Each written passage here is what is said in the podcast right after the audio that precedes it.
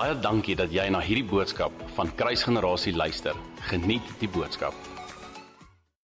Ek gaan sommer dadelik wegspring. Ek hoop dat dit goed gaan met elke een van julle. Ons is opgewonde as gevolg van die uh die beweging van die Gees en en dit wat die Here vir ons beloof het en dit wat hy vir ons gesê het.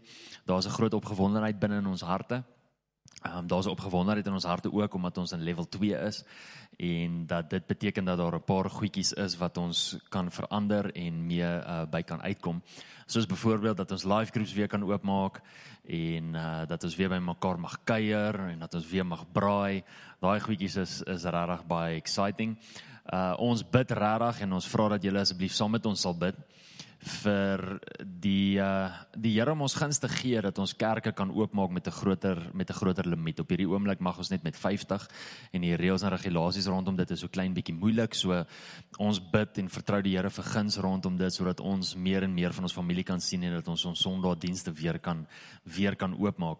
Maar terwyl ons wag, onthou ook asseblief dat ons nog ons dienste hou by The Daily Coffee Shop en terwyl ons by The Daily is, is enige een van julle welkom om ons te kom join en ons vra julle om maar net op die webwerf te gaan en te gaan registreer en dan kom join julle ons by The Daily op donderdae aande van 6:00 af tot 7:00 toe wat ons lekker saam worship, goeie fellowship het en ook luister na 'n lekker woord om jou te kan bemoedig. Familie, ons gaan ook ons dienste, ag ons uh, aanbiddingstye, ons gebedstye verander. So let asseblief daarop van hierdie week af is ons gebedstye anders. Ons het maandag aand gebed van 6uur af tot 8 uur toe. Ehm um, so ons nooi julle almal uit om saam met ons te kom bid op 'n maandag aand. Dan het ons vir die res van die week geen gebedstye in die aande nie. Ons volgende tye is Woensdae middag van 12 uur af tot 2 uur toe en Vrydag oggende van 6 uur tot 8 uur. So ons gebedstye is as volg: Maandag van 6 uur tot 8 uur die aand, Woensdae van 12 uur tot 2 uur in die middag en Vrydagoggende van 6uur tot 8uur kom bid asseblief saam met ons. Maar familie, ons is besig met 'n met 'n rigting. Die Heilige Gees maak dit wakker in ons harte om so 'n bietjie te kan gesels oor koninkryk.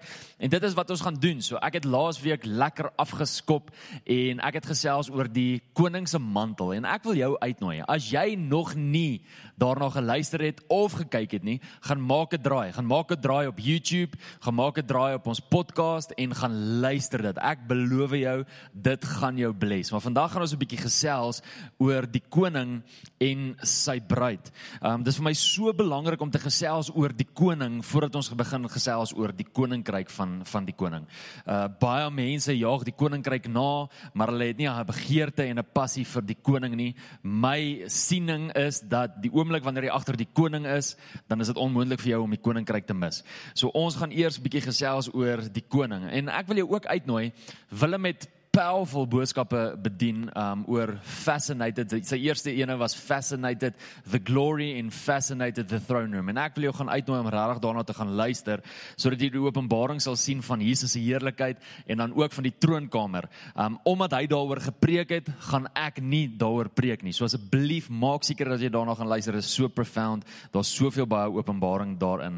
Maar vandag gaan ons gesels oor die koning en sy bruid. Nou familie ek is doodseker dat elke een van julle wat kinders is van die Here, as jy 'n gelowige is, dat jy al gehoor het dat die kerk sy bruid is.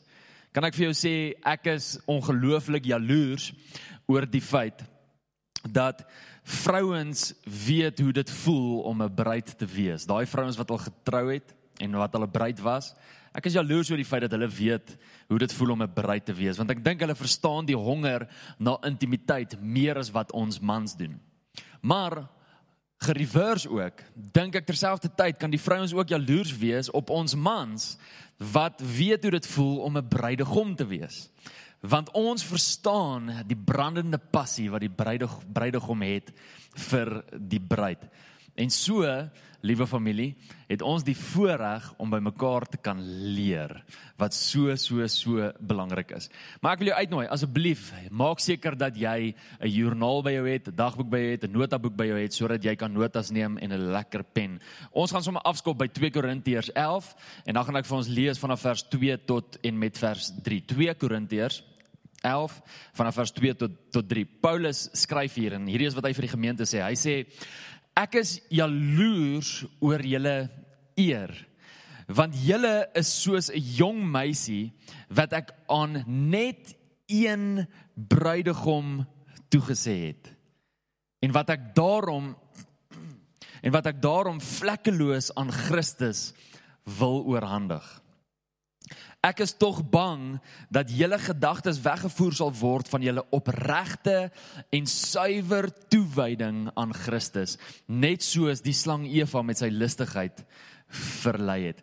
So hier kom Paulus en hy en hy maak eintlik 'n amazing vergelyking. Hy vergelyk die kerk van Korintiërs aan 'n bruid, aan 'n maagd wat hy aan die bruidegom gegee het. Hy bring hier die vergelyking in en hy sê vir hulle, luister, julle as kerk moet die volgende onthou dat julle is gegee vir intimiteit vir die bruidegom. En Paulus skryf hier vir hulle en hy sê ek is besorgd oor julle. Ek ek het 'n besorgdheid in my hart dat julle as bruid se passie vir die bruidegom weg sal gaan as gevolg van verkeerde gedagtegange, as gevolg van verkeerde leer, as gevolg van mense wat kom en julle mislei.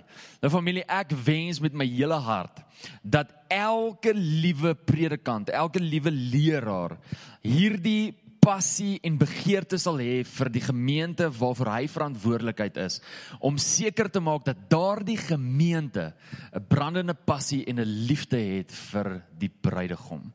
Kom ek sê vir julle dat ek 'n ongelooflike passie het vir elke een van julle om die bruidegom te ken, om vir Jesus Christus te ken. Die oomblik wanneer jy agter hom aan is, dan sal jy nooit verveeld raak nie. Die oomblik wanneer jy hom agter hom aan is, dan sal jy sien wat perfektheid is, wat skoonheid is, wat faithfulness is. Ag daar's soveel eienskappe waarna 'n mens kan kyk die oomblik wanneer 'n mens agter Jesus aan is. As jy agter my aan is, gaan jy so teleurgesteld wees, glo my, sommer net binne 5 minute. So mag dit elke predikant se hart wees om seker te maak dat sy gemeente verlief is op die bruidegom. Openbaring 19 vanaf vers 6 tot vers 8 lees ons die volgende. Sê ek het toe iets gehoor soos die geluid van 'n baie groot skare en soos die gedruis van baie waterstrome en soos die gerammel van swaar donderweer. En hulle het aanhou roep: Halleluja! Die Here heers as koning, ons God die almagtige. Laat ons juig en jubel en aan hom eer betoon want die tyd het aangebreek vir die bruilof van die lam. Hoor julle dit? Die tyd het aangebreek vir die bruilof van die lam. En sy bruid het haarself daarop voorberei. Maak 'n streep, 'n nota iewers binne in jou notaboek of in jou Bybel onderstreep daai gedeelte dat die bruid haarself voorberei het vir die bruilof van die lam. Vers 8 sê: "Sy is toegelaat om fyn, helder skoon linne aan te trek. Die fyn linne klere is die regverdige dade van hulle wat aan God toegewy is." Daar's 'n brandende passie binne in my gees om die bruid van Christus te roep tot voorbereiding vir die bruilofsmaal. Familie, ek hoop jy vang hier. Ek hoop jy verstaan wat ek hierso vir jou vir jou sê. Die die die koms van die bruidegom is so naby. En die oomblik wanneer ons na nou hierdie profesie luister, wanneer ons dit lees hier in Openbaring 19, dan sien ons dat die bruidegom die bruid gaan haal het, maar dat die bruid haarself voorberei het. En ek het 'n besorgdheid binne my hart Ek vra myself hierdie vraag af: Is die bruid besig om haarself voor te berei vir die bruidegom? Prys die Here vir sekere enkele kerke wat regtig besig is daarmee. Maar ek het 'n besorgdheid in my hart wanneer mens kyk na die kerk in die heel, in die geheel rondom dit wat aangaan in die wêreld. Wonder ek, hier is die vraag wat ek vra: Is die bruid besig om haarself voor te berei? vir die bruidegom. Kan jy onthou toe jy getrou het? Die van julle wat nou getroud is, kan jy onthou toe jy getrou het? Kan jy onthou hoeveel effort jy ingesit het in al die reëlings wat jy gemaak het? Kan jy onthou hoeveel tyd jy spandeer het? Hoeveel geld jy uitgehaal het en hoeveel afwagting daar was binne in jou gemoed vir daardie amazing dag? Ek en my vrou het in 2010 in Januarie 2010 het ons verloof geraak en ons het eers getrou in Oktober. En ek sal nooit vergeet nie, omtrent so by Junie Julie se kant, toe ons klaar met al die voorbereiding en al die reëlings en alles wat moet gebeur vir die troue. Mense, daai laaste 3 maande was so uittergend geweest. Ek kon nie wag gewees vir daardie dag om te gebeur nie. En ek onthou hoe afwagtend ek was vir daardie dag. Ek onthou die passie wat binne my hart was. Ek onthou hoe ek excited ek was. Die dag is so belangrik vir die bruid. Dis amper asof die dag belangriker is vir die bruid as vir die bruidegom. Daai dag is so belangrik vir die bruid dat sy seker maak op daardie dag, gaan kyk maar, dat sy die mooiste lyk as wat sy nog ooit gelyk het. Né? Nee? Die vrou gaan en sy gaan laat haar hare doen. Op 'n normale dag doen sy self haar hare, maar nie op haar troudag nie. Sy laat haar hare doen. Sy laat iemand kom en haar make-up doen. Op 'n normale dag doen sy haar eie make-up, maar nie op daai dag nie. Sy kry iemand professioneels in om haar make-up te doen. Die dag is vir haar so erg dat sy sal seker maak dat daar nie eers sekere swemkleur tanlyne op haar lyf sal wees vir die fotos en alles wat moet gebeur nie. So sy gaan en maak seker sy het 'n ordentlike tan, al moet sy tyd spandeer op 'n sonbed. Sy berei haar lyf voor en maak seker dat dit reg lyk. Party van die bruide gaan selfs op 'n dieet om seker te maak dat hulle mooi lyk vir daardie dag. Daar's soveel tyd en soveel voorbereiding wat die bruid maak en doen vir daardie dag vir 'n enkele oomblik dat wanneer sy by daai aisle afstap en oë lok met haar bruidegom en daar voor staan met mekaar en die verbond maak tussen God en hulle twee dat sy perfek en skoon en rein en mooi en voorbereid sal wees vir alles wat daar moet gebeur. Die vraag wat ek vra is: Is die bruid van Christus besig om haarself voor te berei vir die groot dag? Is die bruid besig om soveel tyd en soveel effort en soveel geld en soveel passie en energie en soveel afwagting is die bruid besig met al daai goeders vir die dag wat die bruidegom kom om die bruid te kom haal. Onthou dat ons as bruidegom, ekskuus dat ons bruidegom nie net enige bruidegom is nie. Onthou dat ons bruidegom 'n koning is. Die troue wat ons gaan hou is nie net 'n normale trou nie, dis 'n royal wedding. Onthou julle so so rukkie terug toe wat se son hom Melanie Markle of een of ander iemand toe sy met Harry getrou het. Ek kan nie sy naam onthou nie. Onthou julle die royal wedding van 'n paar jaar terug? Hoeveel mense ingeskakel het, hoeveel mense daar was, wat hoe dit in die nuus was en oral dit was 'n royal wedding. Daar was soveel energie in dit ingewees. Die troue wat ons gaan hê is 'n royal wedding. Ons trou met die koning. En ons trou nie net met enige koning nie. Ons trou met die koning van die konings. Psalm 45 sê dat die persoon met wie ons trou is die mooiste van almal. Kan jy dink hoe moet jy voel, vrouens? as jy as bruid weet jy trou met die mooiste man op aarde. En dit is hoe die kerk veronderstel is om te voel as gevolg van hierdie passie en die realiteit van die feit dat hierdie bruidegom met wie die kerk gaan trou die mooiste, perfekste man is wat bestaan. Ek hou van die storie van Esther. Het jy al gesien deur watse voorbereiding Esther moes gegaan het net sodat sy in die koning se teenwoordigheid kon wees. Ek hou van die storie want die oomblik wanneer jy na die storie kyk, dan sien jy dat die hele storie en die hele verhaal daarvan so profeties is vir dit wat gaan gebeur en so profeties is rondom klomp goeters. Daar's soveel klomp soveel soveel profeties goed wat 'n mens uit dit uit kan haal en waar mens kan oor gesels, maar die voorbereiding wat sy gehad het om die koning te kan ontmoet was amazing. Ester 2 vers 12 verduidelik dit. Laat ek gou vir jou lees. Ester 2 vers 12 sê: Voordat dit 'n meisie se beurt was om na die koning te kom, moes sy volgens voorskrif eers 12 maande lank skoonheidsbehandeling kry. So sy moes vir 12 maande na 'n spa toe gaan voordat sy die koning kan ontmoet. Vir 12 maande lank moes sy skoonheidsbehandeling kry. Sy is vir 6 maande lank met mirreolie behandel en vir 6 maande lank met lekker ryk kruie en ander skoonheidsmiddels. En daarna kon sy voor koning Ahasveros gaan staan. Daar was 'n tyd vir voorbereiding en weet jy wat? In Ester se gemoed was sy nie een keer vies daaroor, was sy nie een keer teleurgestel daaroor nie. Binne in haar gemoed het sy geweet dat hierdie voorbereiding is vir die oomblik wanneer sy by die koning gaan wees en met hom tyd gaan spandeer. Sy het daar alles toegewy in daai tyd om seker te maak dat sy reg is presies toe die koning se voorkeur. En daai super belangrik om te onthou familie, dat die bruid haarself regmaak tot die voorkeur van die koning en nie andersom nie. Die koning is nie besig om homself voor te berei vir die voorkeur van die bruid nie. Nee. Die bruid is besig om haarself reg te maak tot die voorkeur van die koning.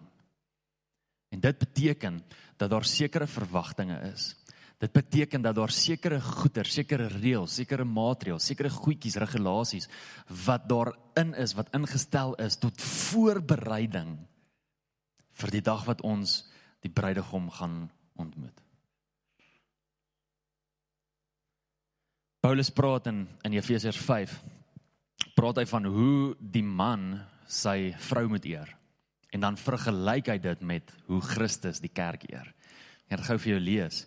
In Efesiërs 5 vanaf vers 25 staan daar die volgende: Husbands, love your wives, just as Christ also loved the church and gave himself for her, that he might sanctify and cleanse her with the washing of water by the word. That he might present her to himself, listen, luister a glorious church not having spot or wrinkle or any such thing, but that she should be holy and without blemish. Sjoe. Nou die oomblik wanneer ek hierdie lees, kan jy dink hoekom hoekom het ek hierdie gedagte gegang van die kerk skiet kort op hierdie oomblik? Iemand vra my nou dag as gevolg van al hierdie COVID goeters en alles wat in die wêreld aangaan. Vra hulle vir my, dink ek die koms van die Here is naby? Weet julle wat was my antwoord? Ek hoop nie so nie want die bruid is nie reg nie. Dit was my antwoord. Want as jy kyk na hierdie woord, a glorious church, not having spot or wrinkle or any such thing, but that she should be holy and without blemish. Wow, dit praat van 'n amazing kerk. Dit praat van 'n amazing bruid. En eerlikwaar as 'n mens vandag kyk na wat alles in hierdie wêreld aangaan en wat alles in die kerke aangaan en jy sien die oneenigheid in die kerke, jy sien hoe hulle met mekaar kompeteer en in kompetisie is vir een of ander rede. Jy sien wie almal goed goedjies kwytraak wat nooit in die woord van die Here af is nie. Hoe sekere pastore mense laat jig drink, hoe sekere pastore dettel oor mense gooi en doomspite en allerlei sulke goeters. Nou die dag hoor ek 'n blanke pastoor, 'n blanke pastoor wat vir sy gemeente sê as jy nie tiende betaal nie, gaan jy hel toe. Kan jy dit oorvertel? Dit is wat aangaan in die kerk van die wêreld op hierdie oomblik. En die oomblik wanneer ek al daai goeie sien en ek lees hierdie gedeelte in Efesiërs 5, dan kom ek net agter maar die bruid is nie reg nie. En familie, maar weet julle wat? Dit mismoedig my nie. Dit maak my opgewonde. Want kan julle dink wat moet gebeur vir die kerk om so te wees? Daar's 'n groot kragtige uitstorting, 'n beweging van God se Heilige Gees wat op pad is om sy bruid voor te berei en reg te maak en die oneenigheid weg te vat en die eenheid te bring en al die verkeerde doktrines weg te brand en regte doktrine te bring en seker te maak dat die mense regte motiewe het. Daar's 'n uitstorting van God se Gees wat op pad is om seker te maak dat die kerk 'n glorious kerk sal wees. Om seker te maak dat ons heilig sal wees en sonder enige vlek sal wees. Die Gees van God gaan ons help om voor te berei vir die dag wat die bruidegom op pad is. Is jy reg vir die uitstorting van die Gees wat so op pad is? Jesus kom en hy vertel vir ons 'n gelykenis in Matteus 22.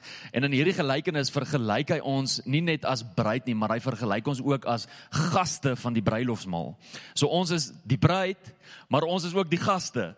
Wat by die bruilofsmaal gaan wees. Weet, dit kan kan dalk super confusing wees, maar die Here weet wat hy doen, glo my. En in hierdie verhaal sien ons dat die koning sekere eregaste nooi. En terwyl hy hierdie eregaste nooi, wil hulle nie kom nie. En hy kom en hy sê hierdie volgende vir sy diensknegte. Hy sê: "Die troue is gereed, maar die wat ek genooi het is nie meer waardig nie." So. Die troue is gereed, maar die wat ek genooi het is nie meer waardig nie. En dan sê hy vir sy diensknegte: "Gaan dan uit en nooi enige iemand na hierdie troue toe." En hy beveel hulle en hulle gaan uit en hulle doen dit en dan lees ons vanaf vers 11 af. Matteus 22 vers 11. But when the king, so die dag het aangebreek, al die gaste is daar, dis dag, dis die dag van die troue. But when the king came in to see the guests, he saw a man there who did not have on a wedding garment. So hier's al die gaste. En tussen al die gaste is daar een persoon wat nie 'n troupak aan het nie. He didn't have on a wedding garment. So for verse 12, so he said to him, "Friend, how did you come in here without a wedding garment?" and he was speechless. And then the king said to the servants, Bind him hand and foot, take him away, and cast him into outer darkness. There will be weeping and gnashing of teeth, for many are called, but few are chosen. Jy sien in hierdie gelykenis wat Jesus vir ons bring, praat hy van die bruilofsmaal, praat hy van die troue en wys hy vir ons uit dat daar gas was wat homself nie voorberei het nie. Wat nie reg was nie. En omdat hy nie voorberei was nie en omdat hy nie reg was nie, het hy nie die reg gehad om by die troue te wees nie. Daar's nog 'n daar's nog 'n gelykenis wat Jesus vertel ook van die troue. In Matteus 25 Af ons lees vanaf vers 1 tot 4 en dan gaan ek vers 10 lees. Matteus 25 is die gelykenis van die 10 maagde met die met die olielampe. Vers 1 sê Then the kingdom of heaven shall be likened to ten virgins who took their lamps and went out to meet the bridegroom. Now, five of them were wise, and five were foolish. Those who were foolish took their lamps and took no oil with them. But the wise took oil in their vessels with their lamps. Verse 10 So wat dan nou gebeur van vers 4 af tot vers 10 toe is hulle wag vir die bruidegom en die oomblik toe die bruidegom opdaag, toe die vyf wat nie olie saamgevat het nie, nie meer olie nie en hulle lampies wil doodgaan en hulle vra die ander, "Sal julle asseblief vir ons van julle olie gee?" En hulle sê, "Nee, ons kan nie want ons het nog 'n journey om te stap. Julle moet julle eies gaan koop." Hulle stap toe weg om hulle eies weer te gaan koop en vers 10 toe hulle dit gaan doen, toe daag die bruidegom op. And they and while they went to buy, the bridegroom came And those who were ready went in with him to the wedding, and the door was shut. Daai vyf wat weggegaan het om weer te gaan olie koop, kon toe nie weer ingaan nie. Hulle het hulle kans gemis. Want daar was nie voorbereiding nie. Jy sien die oomblik wanneer ons kyk na hierdie die olie is 'n verteenwoordiging. Nou olie is verteenwoordiging in die woord van die Here vir baie goeders. Die eerste ding waarvoor olie verteenwoordiging is is die Heilige Gees. En ons sien dit baie duidelik veral in die boek van Samuel. Maar ek wil gou gesels oor hierdie verteenwoordiging. Die olie se verteenwoordiging in hierdie gelykenis is die middel is dit wat maak dat die vuur brand. Hulle passie. Die passie wat hulle gehad het binne hulle harte het gemaak dat die vuur in hulle harte aan die gang was vir die bruidegom. Maar vyf van hulle het nie genoeg passie gehad nie. Jy sien familie, dit gebeur so baie keer in ons lewens dat ons ontmoeting het met die Here en as gevolg van ons ontmoeting met die Here is daar 'n passie vir die Here. Het jy al gesien mense wat op 'n kamp gaan? Hulle gaan op 'n kamp en ontmoet hulle Jesus en 2 weke later dan het hulle vergeet van Jesus want die ontmoeting was genoeg gewees om hulle passie aan die gang te kry, maar toe hulle nie weer gaan ontmoet nie en as jy nie weer gaan ontmoet nie, dan verloor jy jou passie. Dis is 'n koeltjie. As jy as jy 'n vuur maak van kole en jy vat een koeltjie en jy sit hom een kant toe, dan vrek daai koeltjie gaan vinniger dood as al die ander kole, want daai koeltjie is nie saam met die ander kole nie. En hierdie 5 maagde wat weggeloop het, het nie meer genoeg passie gehad vir hulle bruidegom nie. Hoe lyk jou passie? Is jy nog lief vir Jesus? Het jy nog passie vir Jesus? Of is jy soos die gemeente in Openbaring waar die Gees van die Here gekom het en gesê het, julle het julle eerste liefde verloor? Want as ons ons passie verloor, gaan ons soos die vyf maagde wees wat uitgesluit is en nie kan deel hê van die bruilofsmaal nie.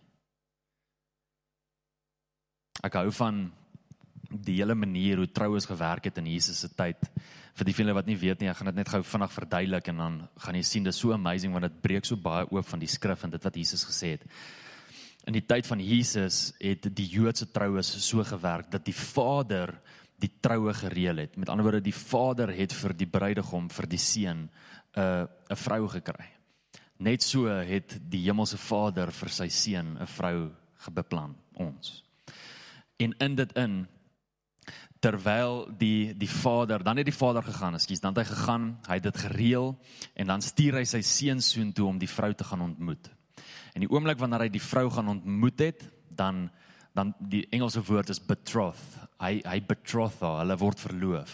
En die oomblik wanneer hulle verloof is, dan gaan die bruidegom weer terug na sy pa se huis toe want in sy pa se huis maak hy voorbereiding vir waar hy en sy bruid gaan bly. Maar terwyl hy weg is, los hy nie sy bruid alleen nie. Hy los sy beste vriend by die bruid om seker te maak dat die bruid beskermd is, om seker te maak dat die bruid nog steeds 'n passie het vir die bruidegom, om seker te maak dat die bruid oukei okay is en as hy enige needs het, dat die dat die bruidegom se vriend kan help met enige een van daardie needs. Maar in daardie tyd weet die bruid nie wanneer die bruidegom gaan terugkom nie. Dis rarig hoe dit gewerk het. Want sodra alles by die huis reg is, dan kom hy en dan kom haal hy die bruid. Jesus Christus het gekom. Hy het homself kom voorstel aan ons, sy bruid. Hy het 'n prys kom betaal. Hy het ons gekoop. En toe gaan hy na sy Vader se huis toe, staan in Johannes 14 sien om vir ons 'n plek te gaan voorberei. En die oomblik wanneer hy klaar is met dit, kom hy terug om sy bruid te kom haal. Maar terwyl hy weg is, is die bruidegom se vriend besig om te kyk na die bruid. Johannes kom, Johannes die Doper kom en hy sê die volgende in Johannes 3 vers 29 tot 31. Daar staan dit is die so hy praat van Jesus. Hy sê dit is die bruidegom aan wie die bruid behoort. So hy praat met die mense oor Jesus, Johannes die Doper en hy sê vir die mense Jesus is die bruidegom waaraan die bruid behoort. En dan praat hy van homself die vriend van die bruidegom gaan staan en luister of hy kom. En hy is sommer baie bly wanneer hy die stem van die bruidegom hoor. Daarom loop ek nou oor van blydskap.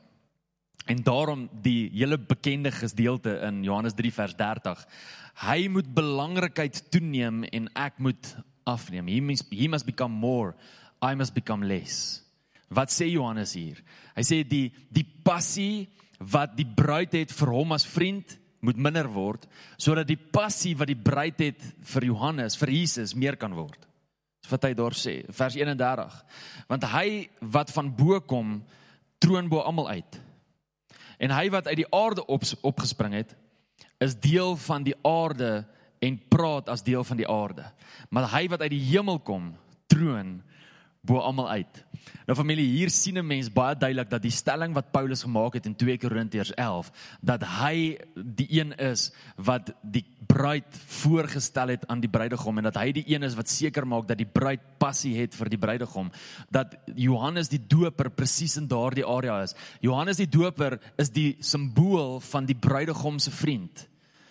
Ons as leraars, ons as predikante is die simbool van die bruidegom se vriend.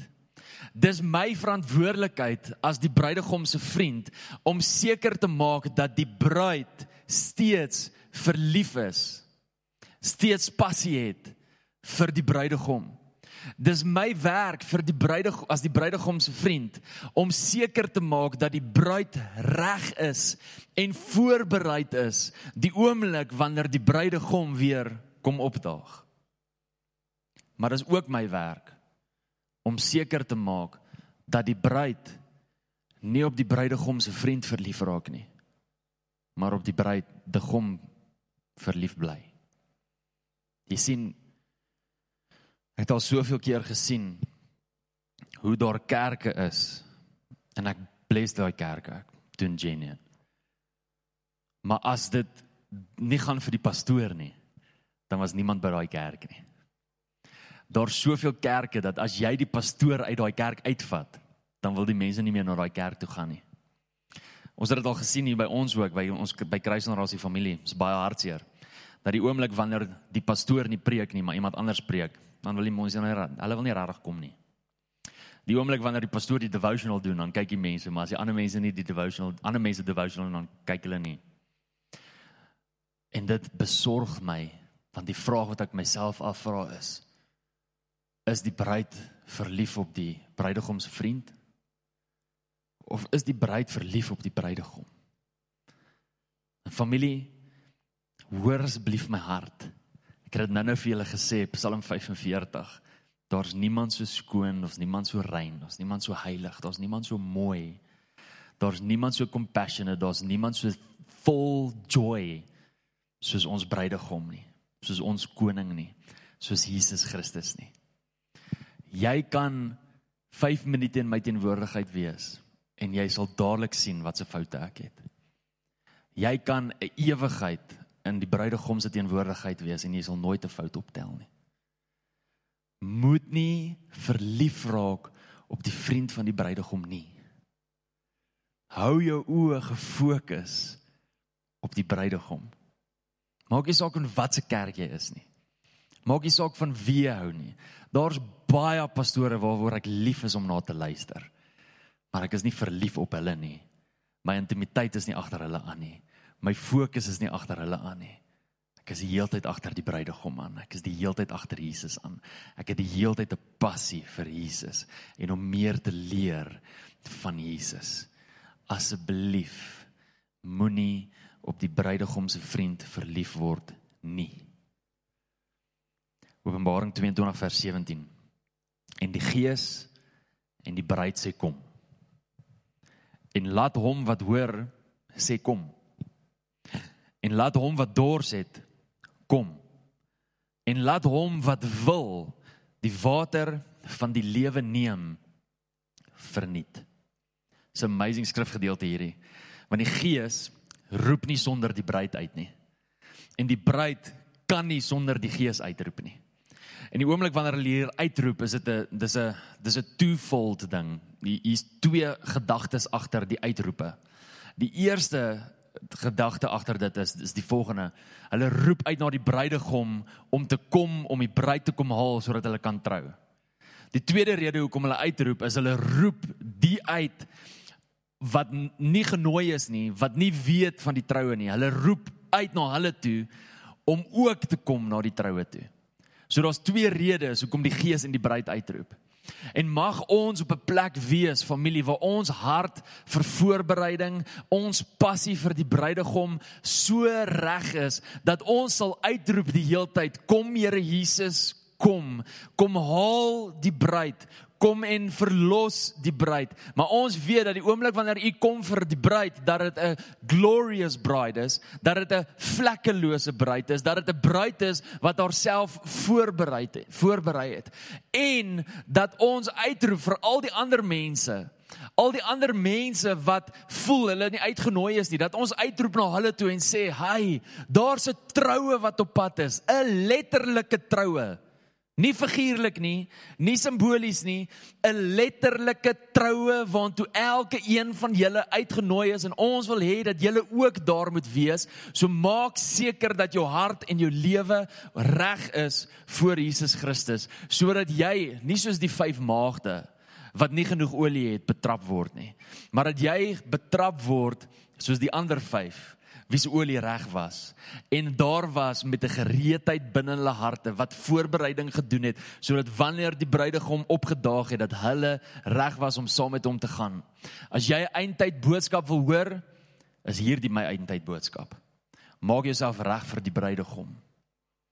Al die ander goeders is nutteloos, maak nie saak nie. Dit maak nie saak oor al die ander goeders nie. Hou op fokus op dit alles. Die oomblik wanneer die mense op die boek van Openbaring lees, dan is hulle vol van vrees. Die oomblik wanneer ek die boek van Openbaring lees, dan is ek vol van passie, dan is ek vol van opgewondenheid, want ek weet dat ek 'n ontmoeting gaan hê met my bruidegom, want ek weet dat ek 'n ontmoeting gaan hê met die koning van die konings en dat dit 'n amazing dag gaan wees. Hier's my eindtyd preek. Maak jouself reg vir die koms van die bruidegom, want die oomblik wanneer hy kom, gaan hy die saamvat wat reg is. En as jy nie reg is nie, gaan jy nie by die bruilofsmaal wees nie. Maak seker, familie, hierdie hang nie af van die koning nie, hierdie hang af van jou. Jy maak die besluit of jy reg gaan wees en of jy nie reg gaan wees nie. En op die einde van die dag gaan jy nie na Jesus toe kom en sê Here, maar jy het nie vir my gesê nie, jy het my nie gewaarsku nie. Vandag is daar 'n boodskap wat jou roep tot voorbereiding, tot voorbereiding vir die koms van die bruidegom. En jy gaan voor die Here staan eendag en jy gaan sê, gaan nie kan sê, Here, ek het nie geweet nie. Hier is vir jou 'n woord wat jou uitnooi na die bruilofsmaal toe.